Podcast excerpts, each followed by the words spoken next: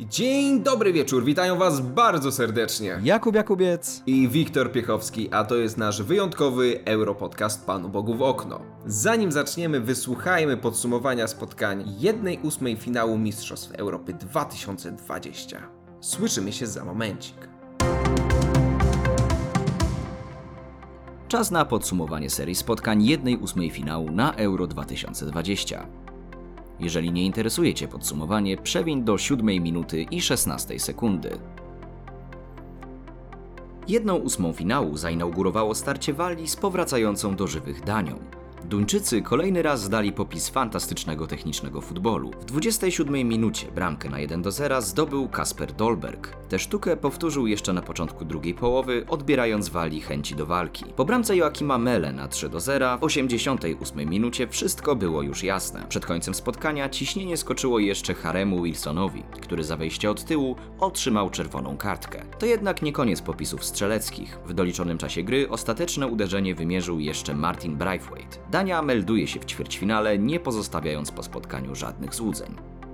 Wieczorem reprezentacja Austrii podejmowała rewelacyjnie spisującą się na turnieju Italię. Austriacy postawili Włochom naprawdę twarde warunki. Przez 90 minut spotkania Włosi dosłownie walili głową w mur. Nieustępliwość Austriaków mogła imponować, zwłaszcza w drugiej połowie. Twarda postawa czerwono-biało-czerwonych dała im nawet bramkę. Trafienie Arnautowicza nie zostało jednak uznane przez spalonego. Regulaminowy czas skończył się wynikiem 0 do 0. Czekała nas zatem dogrywka, w której to Włosi o wiele lepiej poradzili sobie kondycyjnie. Dwie bramki, Federico Chiesy i Matteo Pessiny, sprawiły, że Włosi mogli odetchnąć z ulgą. Na 6 minut przed końcem dogrywki zrobiło się jednak gorąco, bo przepiękną bramkę zdobył Kalajdzić. Włosi finalnie pokonali Austrię 2 do 1, ale była to dla nich zdecydowanie najcięższa przeprawa na tym turnieju. Następnego dnia Holandia podejmowała rewelacyjnych na turnieju Czechów. I nie było to najlepsze popołudnie dla drużyny pomarańczowych. Oddanych strzałów jak na lekarstwo, a o tych celnych kompletnie można było zapomnieć. Kluczowym wydarzeniem spotkania była z pewnością czerwona kartka Matiasa de Lichta. Chcąc uchronić drużynę przed sytuacją sam na sam, holenderski obrońca upadając popchnął piłkę ręką. Po interwencji arbiter usunął go z boiska. Od tego momentu niemrawa już wcześniej Holandia znalazła się w kompletnej rozsypce. Bramki Tomasza Holesza w 68 i Patryka Szyka w 80 minucie dały Czechom upragniony awans do ćwierćfinału. Wieczorem tego samego dnia Belgia mierzyła się z Portugalią. Spotkanie, choć na papierze hitowe, to nie dostarczyło spektakularnych emocji. Po pięknej bramce z dystansu Torgana Azarda, zdobytej jeszcze w pierwszej połowie, Belgowie odcięli Portugalię od dogodnych strzeleckich sytuacji. Belgia wygrywa 1 do 0, eliminując grającą w kratkę na turnieju Portugalię, potwierdzając tym samym doświadczenie, którego nabyli na arenie międzynarodowej w ostatnich kilku latach. Cóż to był za dzień? Czegoś takiego nie spodziewał się chyba żaden kibic. O godzinie 18 rozpoczęło się spotkanie Hiszpanów z Chorwatami.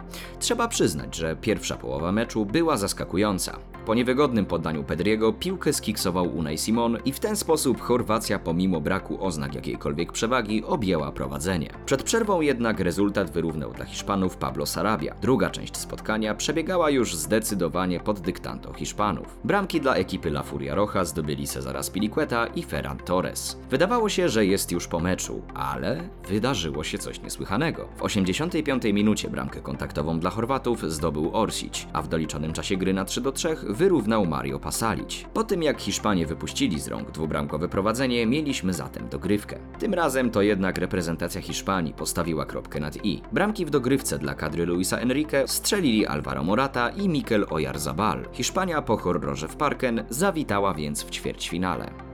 Kto mógłby oczekiwać, że drugie spotkanie tego samego dnia w niczym nie będzie ustępować poprzedniemu? Francja, mierząca się z reprezentacją Szwajcarii, z całą pewnością nie mogła spodziewać się, że to spotkanie ułoży się w ten sposób. Już w 15 minucie, po wielu kapitalnych szarżach na bramkę Hugo Lorisa, bramkę na 1 do 0 zdobył Haris Seferowicz. Do końca pierwszej połowy Francuzi nie byli w stanie odpowiedzieć swoim rywalom. Na początku drugiej podyktowany został rzut karny dla Szwajcarów. Wydawać by się mogło, że będzie to drugi przypieczętowujący dla Helwetów w zwycięstwo cios. Strzał Ricardo Rodrigueza został jednak fantastycznie wybroniony przez Lorisa, a na tablicy wyników dalej widniał rezultat 1 do 0. Od tego momentu wszystko zaczęło się sypać dla drużyny Szwajcarii.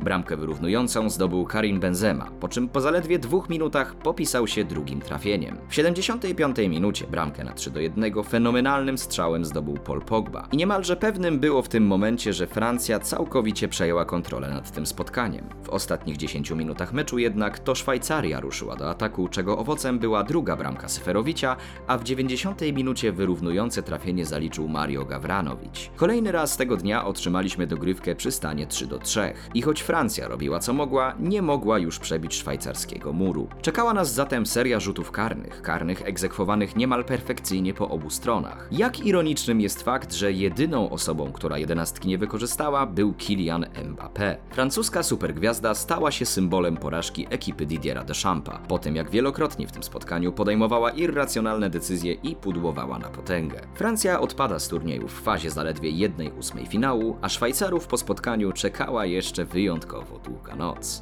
Następnego dnia kolejne hitowe na papierze starcie, delikatnie mówiąc, nie dowiozło. Anglia, mierząca się na Wembley z Niemcami, kolejny raz zamknęła mecz od pierwszej minuty. Wymiana ciosów to niezbyt fortunne określenie.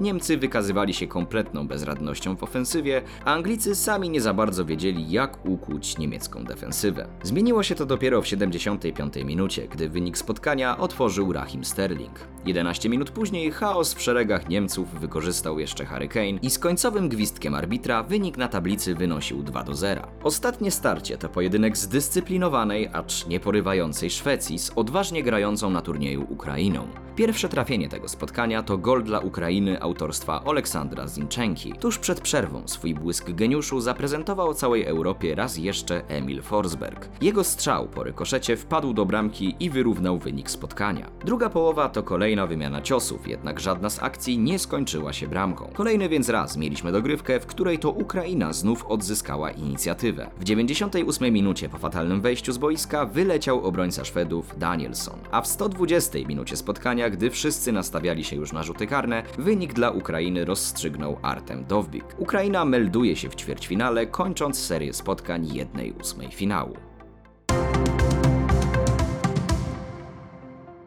Fantastycznie ogląda się mecze zespołów, które walczą, które mają energię od pierwszej do 90 minuty, które potrafią atakować w 10, 15, 25, 38, 41 i nawet 44 minucie spotkania, no i po przerwie też. Mm, Niesamowicie jest oglądać dla kibica, który tego nie otrzymał w niekrótkim czasie taką grę, jaką zaprezentowali Czesi, Austriacy. I tak mi się wydaje, że to właśnie Czesi są dla mnie największym zaskoczeniem. W porządku, czyli twoim największym zaskoczeniem jednej ósmej finału są Czesi. Powiedziałbym, że moim też, bo naprawdę wyglądali na tle Holandii bardzo dobrze. Swoją drogą, to co mówisz, to jest bardzo prawdziwe. Moglibyśmy się uczyć od tych wszystkich reprezentacji, właśnie od Czechów, od Austrii, od Szwajcarii. To, to były reprezentacje, które pokazały, że pomimo tego niskiego potencjału można powalczyć jak równy z równym. Zwłaszcza, że ta faza pucharowa, mam wrażenie, że ona bardzo nie sprzyjała faworytom. Że Włosi z Austriakami się bardzo męczyli. Co więcej, Austriacy nawet objęli prowadzenie w tym spotkaniu, tylko po prostu ta bramka nie została uznana. No a potem, co się stało w dogrywce, to już wiemy. Natomiast ta walka to jest to, czego na pewno nie można odmówić. To, co robi Dania, to jest też niesamowite. Ja jestem arcyfanem tego, jak Duńczycy grają na tym turnieju i utrzymuję to, co powiedziałem w poprzednim podcaście, że im bardzo kibicuję, żeby doszli do finału, a nie jest to wcale niemożliwe. Najlepszym tego przykładem jest potyczka Szwajcarów z Francją. Wiesz, jakie jest moje zaskoczenie największe? Nie wymienię tutaj Szwajcarii. Wcale nie wymienię tutaj Szwajcarii, tylko wymienię to, że podczas jednego dnia Mistrzostw Europy dostaliśmy dwa spotkania, w których w regulaminowym czasie gry padło sześć bramek. Co więcej, później w dogrywce w jednym ze spotkań mieliśmy dwie dodatkowe bramki, a w drugim ze spotkań mieliśmy serię rzutów karnych, która była wyjątkowo pasjonująca, bo ja nie przypominam sobie jakiegokolwiek turnieju, w którym byłby taki dzień, w którym dwa tak dobre spotkania miałyby miejsce z odstępem kilku godzin pomiędzy sobą. Ja pamiętam takie Mistrzostwa Europy 2012, jak Polska grała z Czechami, Rosja z Grecją i to był fantastyczny oba mecze, tylko nie dla nas. Ale to tak abstrahuję Nie porównuj, i, nie porównuj. śmieszną anegdotkę. Nie porównuję, bo poziom starcia Szwajcarów z Francuzami i potem rzuty karne, gdzie to, co robił Jan Zomer, szapoba, szapoba, jeszcze raz szapoba. W innym spotkaniu Chorwacja, Hiszpania, em, tam było i śmiesznie, i zabawnie, i straszno, i fajnie, ale dwie bramki zdobyte przez Hiszpanów w dogrywce pokazały dobitnie, jak zdolnych mają zawodników. No tak, Hiszpanie w końcu pokazali tego pazura, którego od nich oczekiwaliśmy, a którego nie dali nam w fazie grupowej. Ale trzeba też tutaj wrzucić kamyczek do ogródka Hiszpanów, a mianowicie fakt, że potrafili ze stanu 3 do 1 stracić w przeciągu 7 ostatnich minut spotkania dwie bramki, bo to tak naprawdę ten mecz już był dla Hiszpanii wygrany. I to, że Chorwacja zdobyła te dwie bramki, to wcale nie było y, jakieś nieprawdopodobne powstanie Chorwatów, tylko po prostu Chorwaci ruszyli do ataku, a Hiszpania się ich przestraszyła. Takie odnosiłem ja wrażenie, że Hiszpania wypuściła to y, z rąk na własne życzenie. Potem oczywiście w dogrywce to już zwłaszcza kondycyjnie było widać, kto w tym meczu się bardziej zmęczył i była to zdecydowanie reprezentacja Chorwacji, więc Hiszpania wyprowadziła te dwa finalne ciosy. Ale, no, powiem tak, Chorwacja mnie zaskoczyła o tyle, że na tym turnieju nie wyglądała rewelacyjnie wcześniej. A w tym spotkaniu naprawdę dawała radę. Tylko, że Hiszpanie okazali się jednak trudniejszym orzechem do zgryzienia niż mogło się to wydawać po pierwszej połowie, po której widniał rezultat 1 do 1. Hiszpanie wydają mi się być dobrym kandydatem do ewentualnego czwartego miejsca. Zaraz powiem Ci dlaczego, ponieważ widać dość dużo chaosu w grze, jaką prezentuje drużyna Luisa Enrique. Widać chaos, jakieś takie nieuporządkowanie. Na pewno jest dość duża nieprzewidywalność i to jest i na korzyść, i na niekorzyść Hiszpanów. Jednak e, gra obronna i ten moment przejścia ze środka pola do ataku, w którym jest Alvaro Morata. Ale to mu trzeba przyznać, że w tym meczu zagrał bardzo dobrze, oprócz asystowania również strzelił bramkę piękną. Tylko nie widzę w Hiszpanach tego, co widziałem wcześniej w ich reprezentacji, to znaczy wyważonych do odpowiednich zawodników, idealnych w danej formacji. Nie ma czegoś takiego. Teraz futbol idzie w stronę uniwersalności zawodników, która na przykładzie Niemiec jest nam dość dobrze widoczna, gdzie zawodnicy grają na wszelakich pozycjach, czy u Włochów na przykład. Jednak Hiszpanie zawsze pokazywali grę formacyjną. Przeważnie to było 4-4-2, 4-2-3-1, 4-3-3 i mieli idealnych zawodników na daną pozycję. Teraz widać, że Luis Enrique próbuje jakoś to mieszać to nie zawsze dobrze działa. To było to rozwiązanie z Marcosem Llorente na przykład na prawej obronie. Dokładnie tak. On tak grał co prawda w, w Atletico, jednak Llorente najlepiej czuje się mimo wszystko w środku pola, ewentualnie jako prawy środkowy. No to jest uniwersalny bardzo piłkarz, ale bardzo dużo też zdały w tym spotkaniu zmiany, uważam. Bo te zmiany myślę, że one tutaj były kluczowe i myślę, że taką jedną z kluczowych zmian było wejście Mikela Oyarzabala na Dokładnie boisko. tak. On naprawdę zrobił ogromną różnicę, bo Ferran Torres bardzo ładnie sobie radził w tym spotkaniu również, ale to od wejścia właśnie Oyarzabala zaczęła się ta druga fala ofensywy hiszpańskiej w tym spotkaniu. Tak, niesamowite przyspieszenie i jedna z bramek, którą strzelił, no palce lizać, palce lizać. Ale zostawmy Hiszpanów, przejdźmy do Francuzów, bo niemałe zaskoczenie, chociaż oglądałem ten mecz i kibicowałem Helwetom, bo, bo inaczej nie potrafiłem. Grali zadziornie, grali tak jak powinni grać. Szwajcarska precyzja, dziurawa obrona momentami, ale jak trzeba było bronić, bronili i to się podoba. E, bardzo dobra postawa Granita Szaki, co mu się nie zdarzało przez cały sezon Bardzo. w Arsenalu. Prawdziwym dyrygentem. Dyrygentem żółtą kartkę co prawda otrzymał, ale za taką grę można otrzymać żółtą kartkę. Jak najbardziej. I znowu się okazuje, że ten wyśmiewany przez wielu Haris Seferowicz y, potrafi dać reprezentacji Szwajcarii bramki i to takie bardzo, bardzo ważne. Tutaj w tym spotkaniu strzelił dwie. No jest jeszcze taki jeden bohater, którego trochę pomijaliśmy na tym turnieju, kiedy wymienialiśmy jakieś największe zaskoczenia, momenty kolejki, bohaterów kolejki. Raczej nie wymieniało się tego zawodnika, a jest to Steven Zuber. Człowiek, który nastukał naprawdę konkretną ilość asyst na tym turnieju i naprawdę człowiek, który również tych wiele tych piłek takich kluczowych dla reprezentacji Szwajcarii posyłał i myślę, że to też jest zawodnik, na którego warto, warto zwrócić uwagę. Niesamowite w tym meczu było to, że od 55 minuty w zasadzie to spotkanie kompletnie się nam odwróciło, nie? Bo mieliśmy Szwajcarów, którzy w pierwszej połowie absolutnie nas wszystkich zachwycili i myśleliśmy, że to dalej mm, będzie kontynuowane, chociaż że Francja raczej dociśnie śrubę. No i przyszedł moment tego rzutu karnego zmarnowanego przez Ricardo Rodrigueza, chociaż tutaj chyba bardziej trzeba Hugo Lorisa Tak, pochwalić. Chociaż nie wiem, jakie są szkoły w zasadzie. Idealnie wybroniony karny. To- jak to Idealny oceniać? wybroniony karny i czapki z głów dla Igor Lorisa. Później Karim Benzema, po prostu Karim Benzema. Ja mam wrażenie, że to był taki piłkarz, którego bardzo brakowało Francuzom od wielu lat w kadrze. Karim Benzema jest w tym momencie chyba na najlepszym etapie swojej kariery, jest piłkarzem niezwykle wszechstronnym, jest napastnikiem kompletnym i Olivier Giroud, który grał na mundialu w Rosji, na pewno nie mógł dać tyle jakości, co Karim Benzema by mógł wtedy dać. Więc fakt, że wrócił do reprezentacji, myślę, że Francuzom wyszedł na dobre. Mm, Później przepiękne trafienie Pola Pogby na 3 do 1. No i dla mnie największe rozczarowanie i to jest właśnie chyba najważniejsza rzecz. Po pierwsze jest to defensywa francuska, która wpuściła dwa gole w ostatnich 10 minutach. To jest drugi gol Seferowicza i gol Gawranowicza. Wyjątkowo pięknej urody, trzeba to przyznać. Natomiast y, zarówno defensywa, która straciła te bramki, jak i ofensywa, która w dogrywce nie była w stanie tego szwajcarskiego muru rozbić. A przede wszystkim moim największym rozczarowaniem jest Kian Mbappé i wcale nie ze względu na przestrzelony rzut karny. Nie, nie, nie.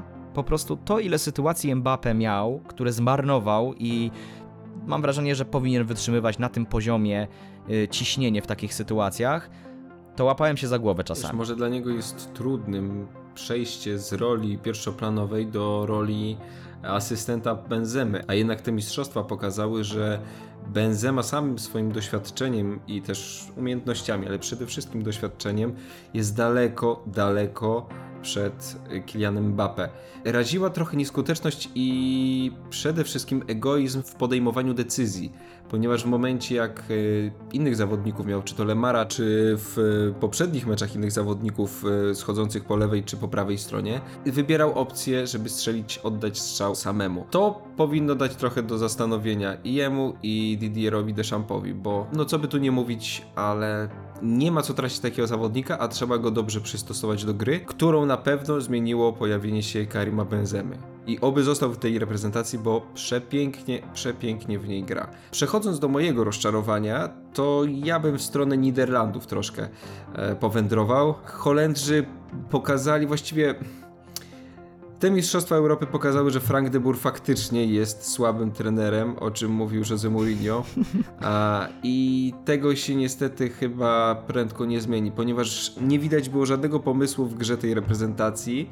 Do tego egoizm, którym e, Depay aż emanował w podejmowaniu decyzji, jest utalentowanym zawodnikiem, tylko niestety, jak już ktoś mądry powiedział, jest czterech zawodników, wobec których można opierać zespół i żadnym z nich nie jest Memphis Depay. I to jest chyba taki zasadniczy problem, że właśnie tutaj Czesi zagrali jako drużyna, a Holandia zagrała jako indywidualności i właśnie na tym Dokładnie tak, dokładnie tak, ale zwrócę uwagę jeszcze na głównego winowajcę, czyli na Matiasa Delichta, bo zawodnik Co, co on w ogóle zrobił Zawodnik tam? dotknął ręką i dość w znacznym stopniu zmienił bieg piłki, co było bardzo nieodpowiedzialną decyzją, ponieważ najpierw się poślizgnął, a potem, żeby przeszkodzić zawodnikowi czeskiemu, dotknął ręką piłki i tak niestety otrzymał zasłużoną czerwoną kartkę. I widać było, że po czerwonej kartce Holendrzy kompletnie nie wiedzieli, co mają robić. Nie było żadnego lidera w drużynie. Nie było postaci, która, tak jak w pierwszych meczach,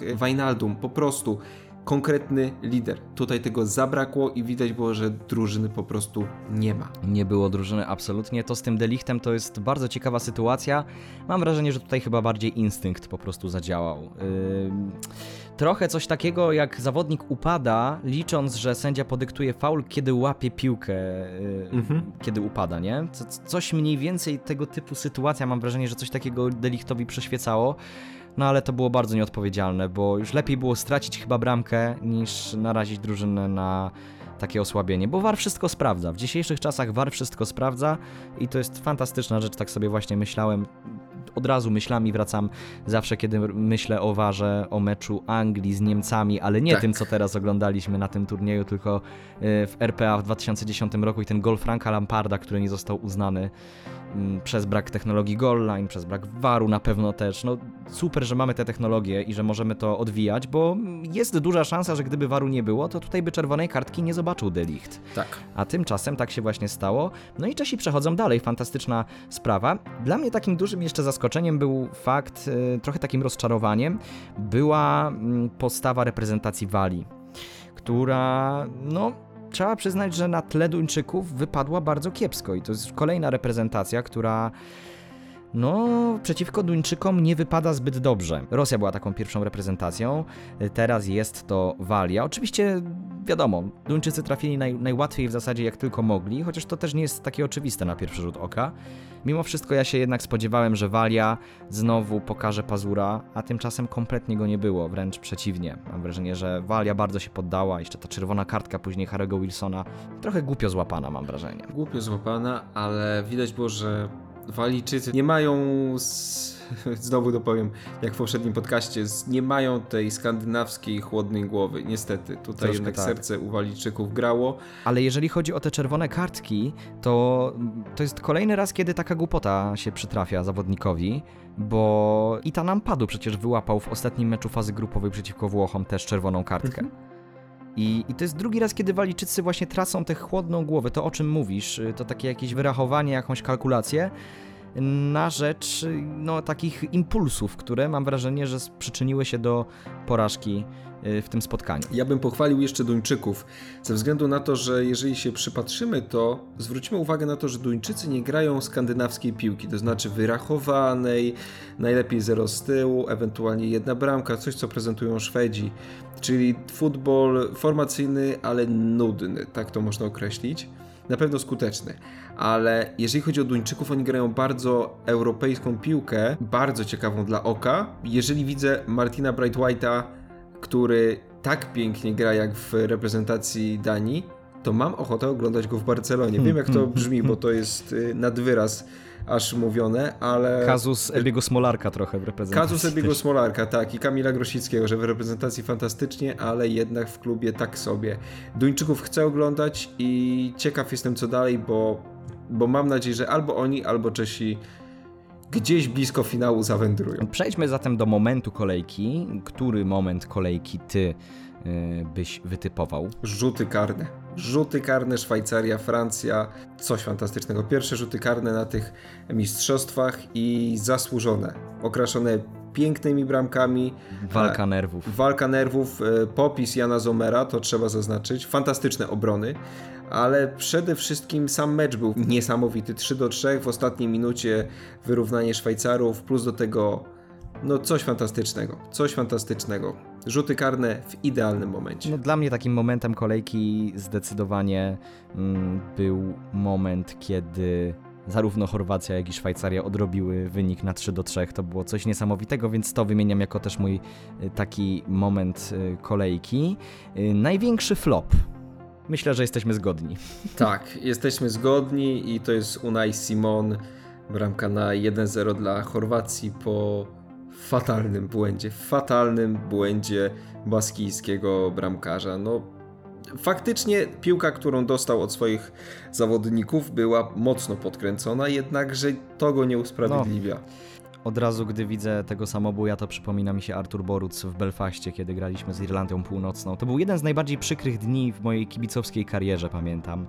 Jak jeszcze Dariusz Szpakowski komentował to spotkanie i aj, Jezus Maria, jaki błąd Boruca. No, mniej więcej bardzo, bardzo podobna piłka tutaj poleciała, tylko tam chyba bardziej skozłowała, tutaj y, była bardziej podkręcona. No w każdym razie Unai Simon się nie popisał i Zaskakuje mnie jedna rzecz. y, Jeżeli możemy jeszcze zahaczyć o te pierwsze punkty, jakie mamy. Moim, moim największym zaskoczeniem na ten moment, ale nie jednej ósmej finału, tylko całego turnieju jest to, jak bardzo wiele błędów popełniają bramkarze na tym, na tym Tak. turnieju. I tak samo jak wiele goli pada z samobójów. To jest niesamowite. Samobój e, idzie na rekord, jeżeli chodzi o. No, walczy o koronę strzelców, więc miejmy nadzieję, że w tym roku samobójowi się wreszcie uda. No, może by, to, to by było naprawdę zabawne, gdyby więcej bramek samobójczych padło niż y, bramek strzelonych przez jednego zawodnika.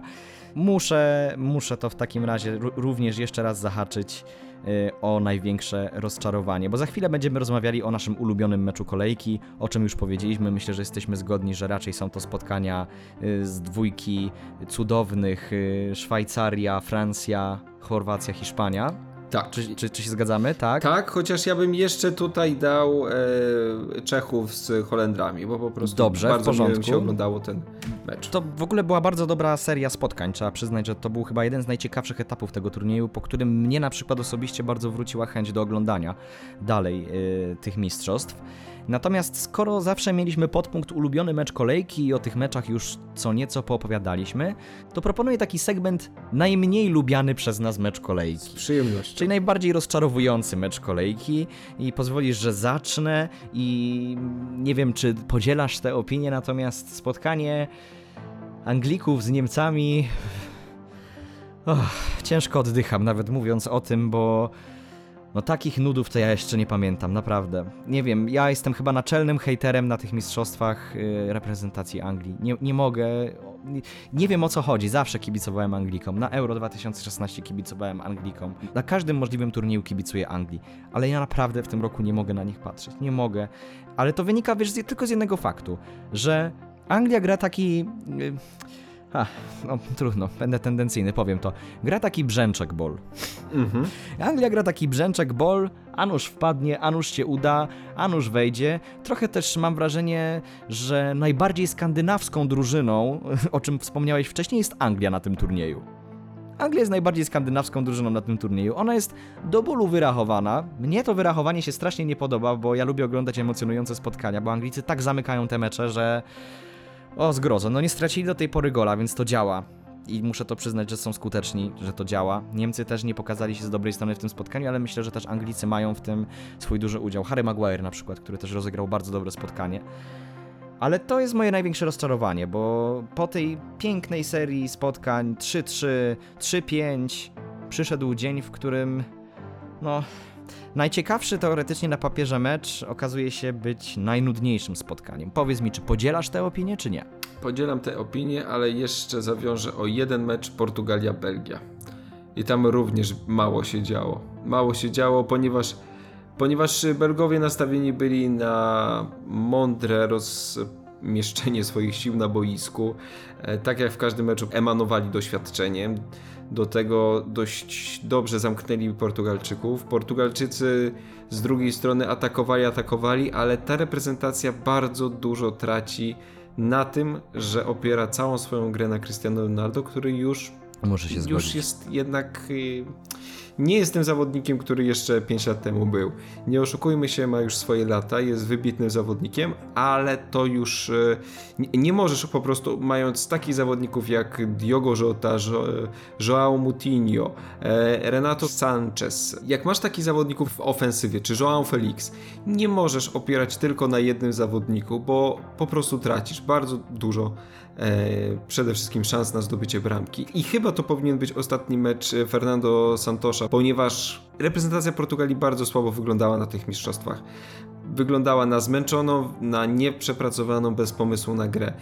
Pięć lat temu to się udało, grali tak, taki lepszy brzęczek bol, ale ale no, tam była duża, duża doza przypadku. Jednak tutaj na tych mistrzostwach Belgowie, którzy są bardzo precyzyjni, bardzo dobrze techniczni, pokazali, gdzie miejsce ma e, utalentowana piłka, a gdzie przemyślana piłka. I, I powiem Ci, że tak samo jest z Anglikami, że Gareth Southgate cały czas ma swoją wizję, jak dojść do finału, jaki szczebelek zająć, żeby lepiej wystartować do kolejnych etapów.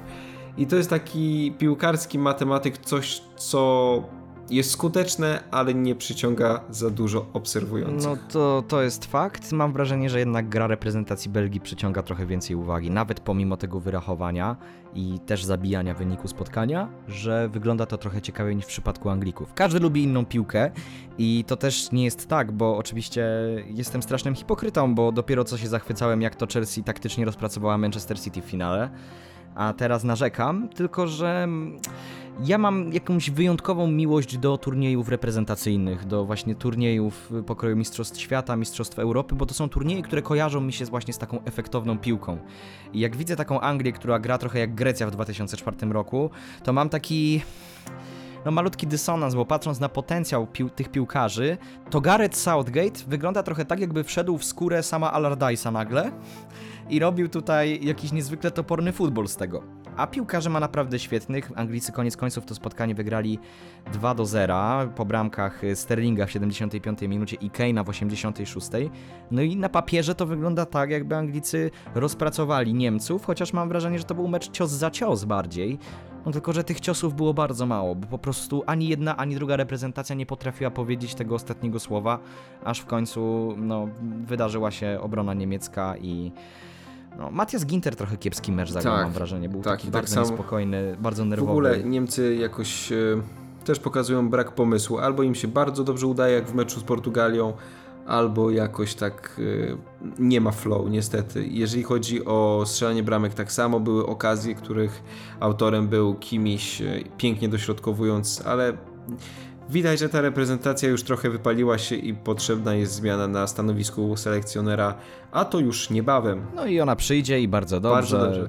Hansi Flick, Jeżeli- zobaczymy co będzie w Jeżeli stanie mówimy zrobić. o najbardziej nielubianych meczach, to ja bym jeszcze powiedział o najbardziej em, nieadekwatnej i najmniej lubianej sytuacji boiskowej. Dotyczy ona meczu Ukraina-Szwecja, em, gdzie Artem Besedin został brutalnie sfaulowany przez Markusa Danielsona. I okropne. Coś okropnego Okropny i z najnowszych informacji e, wynika, że ukraiński zawodnik wróci do gry dopiero za 6 miesięcy, a diagnoza okazała się druzgocąca, ponieważ częściowe uszkodzenia więzadła krzyżowego tylnego, częściowe uszkodzenia więzadeł pobocznych wewnętrznych i zewnętrznych oraz złamanie kości udowej w prawej nodze.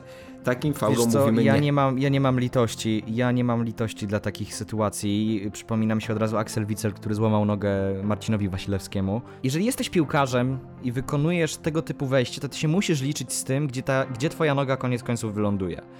W tym przypadku to była najbardziej oczywista czerwona kartka na tym turnieju i myślę, że najbardziej oczywista czerwona kartka od kilku miesięcy w ogóle w europejskiej piłce. To też jest jedno z rozczarowań. Szwecja zagrała bardzo przeciętnie w spotkaniu z Ukrainą. Ukraina bardziej mi się podobała. Ale Ukraińców trzeba pochwalić. Ukraińców trzeba pochwalić. Andrzej Szewczenko robi robotę. Widać, że chłopakom przekazuje swoje doświadczenie, czego najlepszym przykładem jest Zinchenko, który gra jak z nut i oby tak grać. No i właśnie może przejdźmy do bohatera kolejki, bo dla mnie jest to właśnie Dla Zinchenko. mnie również, jeżeli ale też, wymienić... też jeszcze Patryka Szyka bym dał, goleadora Tak, z też. Czech i Moraw, tak go można. Napędzanego piwem z żateckiego chmielu. Tutaj kryptoreklamę jakąś damy, ale, ale to za jakiś czas. Jeżeli chodzi o Patryka Szyka czy, czy Zinchenkę, to dwaj młodzi zawodnicy, którzy napędzają swoje reprezentacje, są ich e, takimi dobrymi duchami, które, które korzystają ze swojego europejskiego doświadczenia i to widać. To się przekłada na reprezentację, to się przekłada na atmosferę, na pewny punkt w drużynie. Bardzo to miło oglądać. Przejdźmy zatem jeszcze do ostatniego e, segmentu, czyli bramki kolejki. No i tutaj ta bramka kolejki to. W tym tygodniu mam wyjątkowy problem, naprawdę. Bardzo duży mam problem, żeby wytypować jedną, jedną odpowiedź, więc może zacznijmy od ciebie. Ja powiem ci. em, skłaniam się ku bramce Pola Pogby, bo była wybitna. Och. Wybitna. Ja również. Ale też kusi mnie bramka Zinczenki właśnie. Ponieważ przepięknie z, z półwoleja przepięknie wpakował bramkę w miejsce, gdzie akurat idealnie nie stał Robin Olsen. Mm, Muszę się zgodzić, że ta bramka była przepiękna. również Pola Pogby, trafienie, właśnie trafienie Pola Pogby jest chyba najbardziej oczywiste, tak mi się wydaje, bo to była faktycznie najładniejsza bramka, jeżeli chodzi o te aspekty wizualne. Gol z bardzo dużej odległości ym, strzelony, z, z zawrotną siłą i idealnie w taki punkt, w jaki ta piłka miała polecieć. Ja mam jeszcze dwóch kandydatów tutaj i to jest Joachim Mele przeciwko Walii, jak Tak. tam zostawili Walijczycy za dużo miejsca, ale potem się tak pięknie nawinął tam y, jednego z obrońców, zszedł do lewej nogi i strzelił y, naprawdę ładnej urody bramkę. A drugi kandydat to jest Gawranowicz y, w spotkaniu z Francją, ta bramka na 3 do 3. On również zrobił niesamowitą robotę mm, tym strzałem. Także to są tacy moi kandydaci, ale dobra, jeżeli mam podjąć taką jedną, jedną decyzję. Ach, dobra, w porządku. Wybieram jednak Pola Pogbę. Bramka była przepiękna, więc niech będzie. Dla mnie Pol Pogba. A ty koniec końców? Ja koniec końców, e, skoro ty Pogbę, to ja Zinchenkę jeszcze wspomnę o Torganie Azardzie z śliczną bramką, Też ładna. ale mimo wszystko ja jakoś e, Zinchenkę lubię, szanuję, wspieram i polecam, jak to się mówi.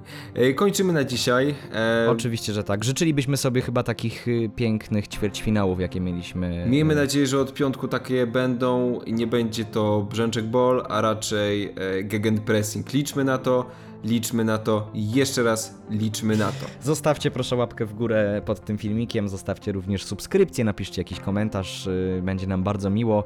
Wreszcie udało nam się punktualnie nagrać podcast, także mam nadzieję, że go odsłuchacie i że też podzielicie się z nami jakimiś swoimi opiniami, kto koniec końców zwycięży na tych Mistrzostwach Europy. Byli z wami Wiktor Piechowski? i Jakub Jakubiec, a to był Europodcast. Panu Bogu w okno.